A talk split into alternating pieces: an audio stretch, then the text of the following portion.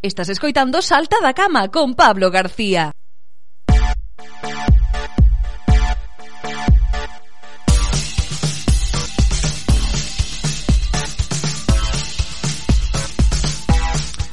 Pois pues vamos alá, vamos con noso primeiro convidado de hoxe José Manuel Bouzas Blanco, nacido na Estrada Aquí un veciño do noso Concello de Toedo Para ser máis exactos Bueno, ahora se vino para a ciudad Ahora se nos aburguesó e se nos vino para, para la ciudad Bo día, José Manuel, que estaba falando con micro pechado. Bo día. Moi bo día. Eu sigo sendo de Toedo, de vivir bueno. na estrada é circunstancial. Bueno, bueno, se nos sabe son. Deixémolo aí.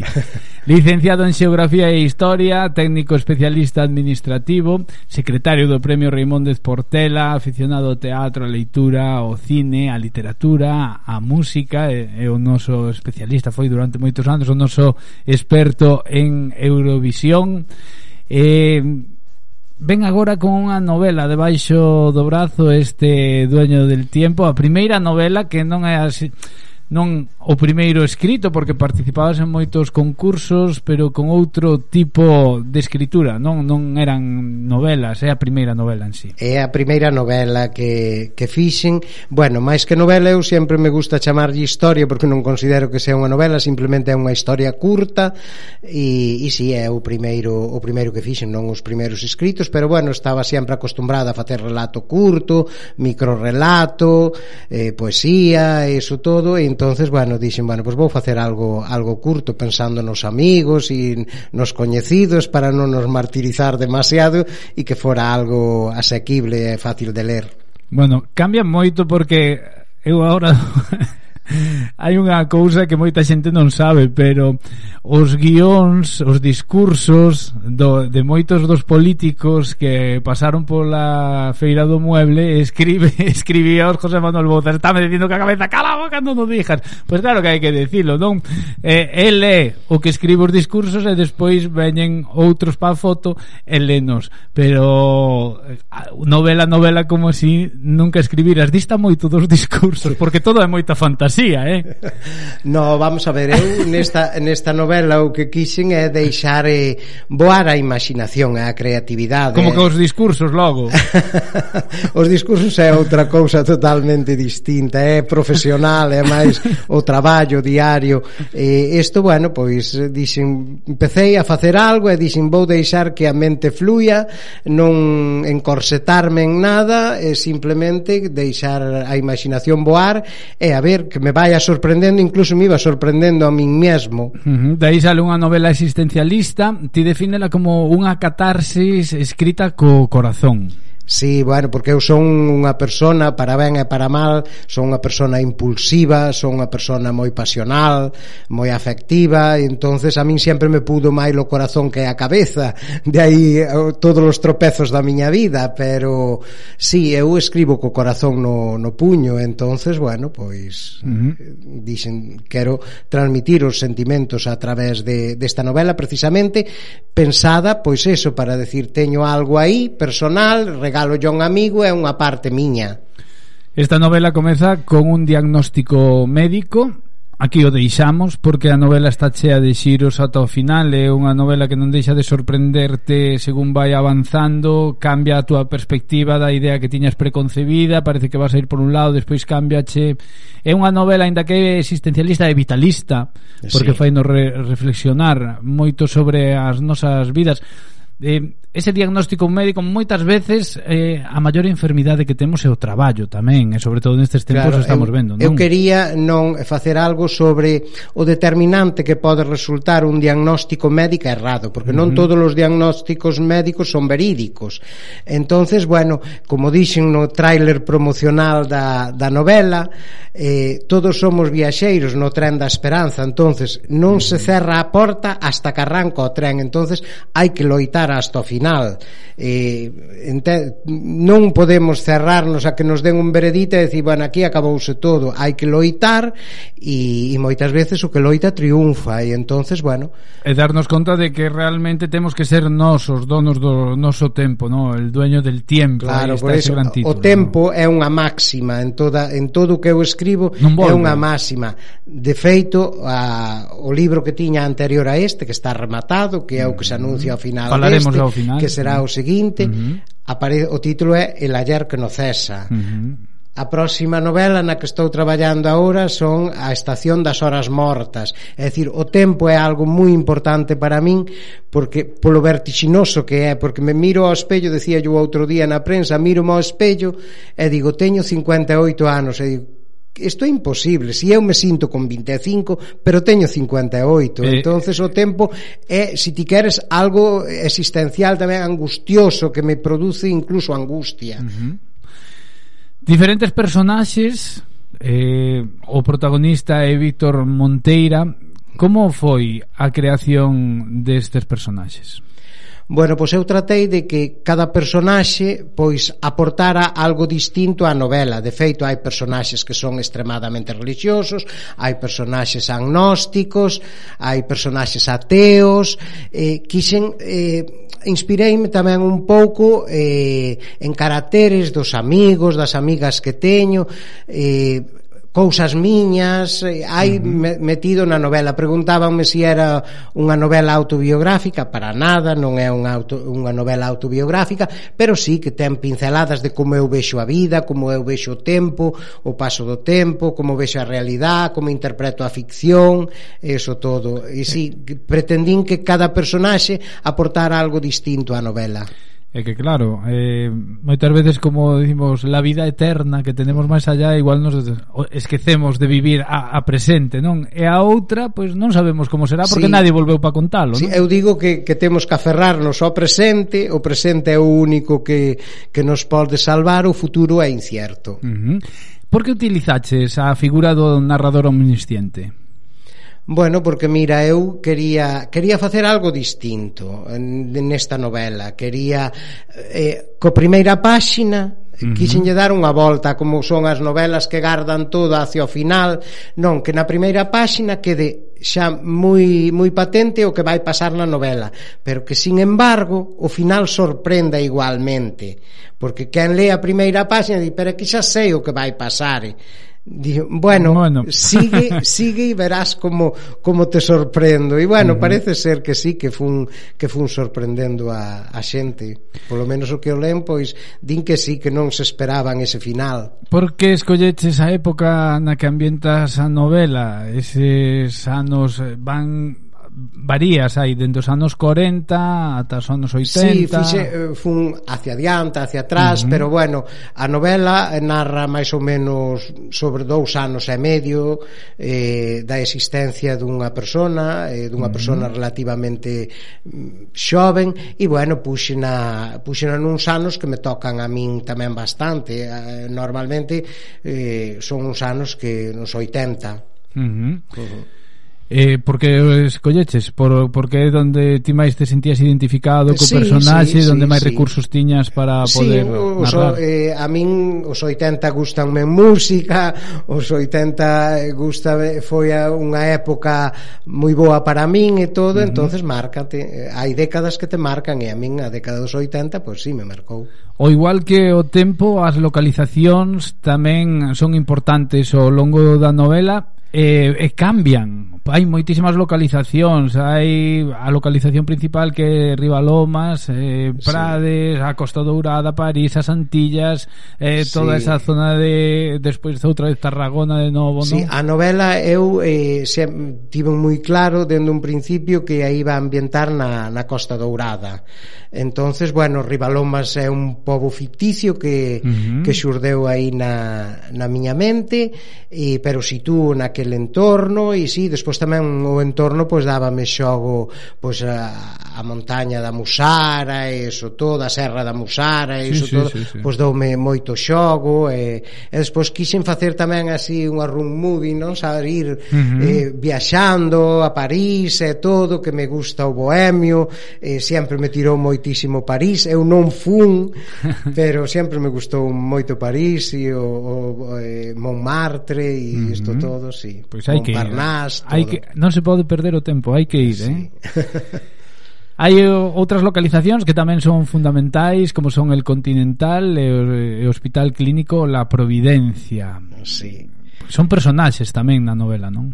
Vamos a ver, so, eh, La Providencia é o hospital, que uh -huh. ten moita importancia, eh, cobra moita importancia, e o Continental pois é un, é un bar, un bar de copas, un restaurante, e, e si, eh, son, son localizacións principales dentro da novela hai moito xogo en torno ao continental e, e á Providencia o embarcadeiro, o hospital, toda sí. todas esas descripcións a min lembroume moito na na primeira lectura que fixen a Rebeca de Hitchcock bastante lembroume. Logo ao longo da novela foron cambiando as miñas visións polo que diste non ese ah, París ah, pues, mira, xa sei, xa sei algo novo porque me dixeron hasta chegaron a decirme non que estaba moito na línea do Conde de Montecristo da Dama das Camelias. Mira, pois pues, algo máis que aportas supoño que cas experiencias de cada claro. un pois non, a min recordoume eso eh, sí que vin moitas referencias cinematográficas, non? Que autores te influenciaron a ti?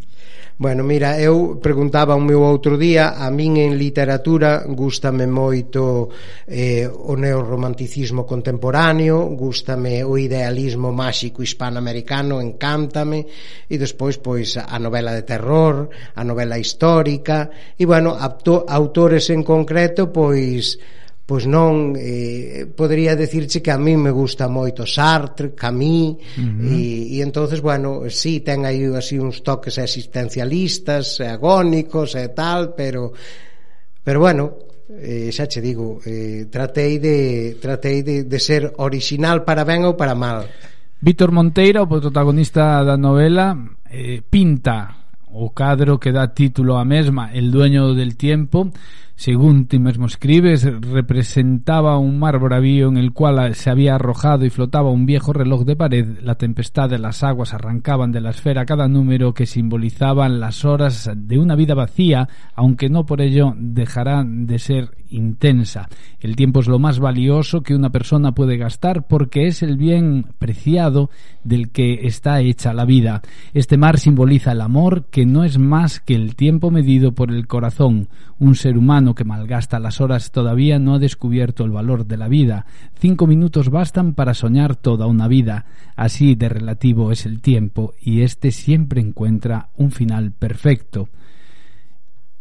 Víctor Monteira pintou uno. Sí. E ti escribíchelo. Mira, eh, teño que decir, eh, facendo honor a quen, a quen mo suxereu, que a novela en principio non se titulaba El dueño del tiempo. Eu cando empecé, cando empecé ca novela, a novela tiña outro título e os amigos máis cercanos pois iba lendo pinceladas e tal a ver que opinaban. E entonces eh, unha compañeira miña me dixo eu poñería ya a novela El dueño del tiempo dixo porque falas moito do tempo faz moitas referencias ao tempo e o cuadro principal que pinta o autor titúlase El dueño del tiempo uh -huh. dixo, a parte que é moito máis comercial e tal e dixen eu, oh, Pois a verdade é que me impactou no momento que mo dixo e non tardei nin, nin cinco minutos en dicir, pois sí que tens razón, pois claro que cambio o título, porque un sempre está aberto, igual foi que a portada da novela, eu tiña unha portada en mente que é a portada que ten a novela, uh -huh. pero como paguei os dereitos dunha diseñadora gráfica, dixen eu, non lle vou a mandar que me sorprenda, porque eu sempre penso, di, seguro que me vai sorprender, estaba esperado, seguro que me vai sorprender. Bueno, pois o que me enviou non me sorprendeu, entonces dixen, no, vai a, a miña portada. Entonces, bueno, pois un sempre eu sempre me deixo guiar e cando se me propuxo este título dixen, pois sí, collín o guante a primeira, que non era o título original da novela. El dueño del tiempo, un, unha novela bohemia Eh, que nos inspira a vivir o presente, a reflexionar. E como decía José Manuel Bouzas Blanco, nesta vida todos somos pasaxeiros do tren da esperanza e este non parte hasta que se pecha a última porta, dai que xa teña o próximo libro no forno, El ayer que no cesa, xa case rematado, e outra novela máis preparada. Eu dende aquí dentro Salta da Cama convido a todos a ler este chute de vitalidade que nos propón José Manuel Bouzas Blanco El dueño del tiempo de diversidade literaria, Diversidad literaria. Sí, diversidade literaria é editorial que elexín para publicar o libro, ca que teño contrato editorial por dous anos, é dicir, eu de, hasta dentro de dous anos non podo publicar con ningunha outra editorial, eh, calquera edición que se volva a facer do libro hai que facela con eles E, bueno, propuxéronme varias, varias formas, eles me ofreceron a publicarme gratuitamente a novela, sempre cando cedera os dereitos de autor, uh -huh. e eles la explotaran. E senón a outra opción que me deron é a de autoedición, é dicir, eu correr cos gastos todos, explotar a novela se quería durante dous anos e logo pois que cederíalle os dereitos a eles e iría eles levarían o 70 e o 30%. Bueno, eso, xa... Aínda que a novela non naceu para para vender para nada. Eh, o de vender foi para minimizar eh gastos, os costes, os da... costes da novela. Tamén mo propuxeron, uh -huh. dixeme, como non pos algúns exemplares á venta? Bueno, e foi unha sorpresa, todo o que está pasando é unha sorpresa. Bueno, a novela ademais vai dedicada tamén aos teus pais, aos teus amigos, sí, a todas as persoas que formaron parte na túa vida. Eu daqui súmome tamén as túas compañeiras Amparo e a Mercedes que te sufriron durante moitos anos.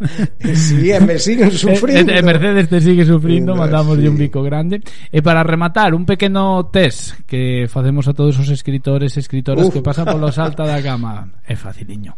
Un escritor ou escritora galegos Mira, teño que recoñecer que leo bastante pouco en, en galego, pero miro eh, o dos ollos eh, o dos ollos de agua.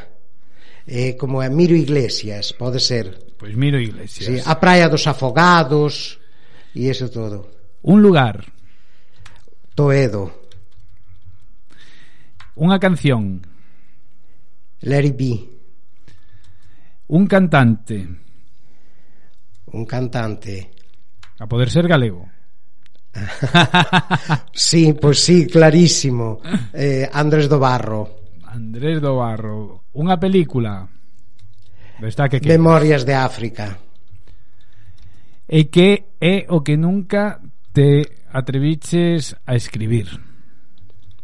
Bueno, eu son bastante atrevido, non sei, mira, eh, precisamente me propuxeron unha vez ti que escribes como non fixe, como non faz ningún relato erótico. E dixen, relato erótico, eu naquel momento dixen, non, oh, na miña vida. Pero despois picoume un gusanillo, e dixen, eh, pero por que non? Bueno, pois quedei finalista entre 7000 a nivel internacional co co relato erótico que, que fixen. Así que, no, escribo escribo de todo, escribo de todo non me corto para nada. Pois pues a xente que teña curiosidade por ler o que escribe José Manuel Bouzas a, na descripción deste podcast abaixo de todo, pois xa ten a ligazón para o seu blog, vale?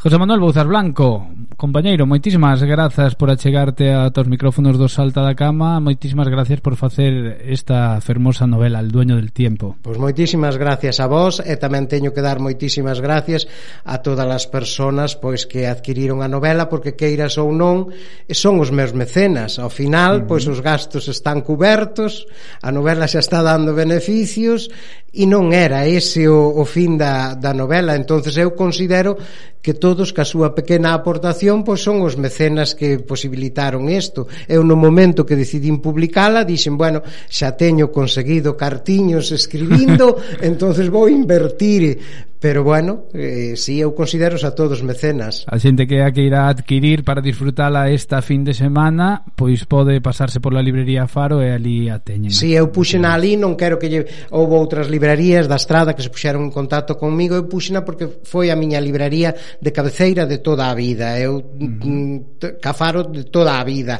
Entonces dixen eu, bueno, tampouco se trata de poñela en todas as librerías, hai uns exemplares ali que se van repoñendo pouco a pouco e e, e bueno. E que ilusión fai eh, cando unha tenda, unha librería, un comercio, o que ti fuches sempre como cliente, de repente ten ali algo teu, verdade? Si, sí, moi ben, eu a verdade é que xa che digo, deronme todas as facilidades, dixeme nada, ti trae as novelas para aquí, non sei que, dendo o primeiro momento, cando se acaban, mira que estamos acabando, trae máis, mira que está eh, acabáronse, houve que facer a segunda tirada, e dixeme, xa estamos anotando os pedidos. Moi ben, moi ben, moitas gracias á librería Faro tamén. José Manuel Bouzar Blanco, moitísimas grazas. Gracias a vos, ata logo.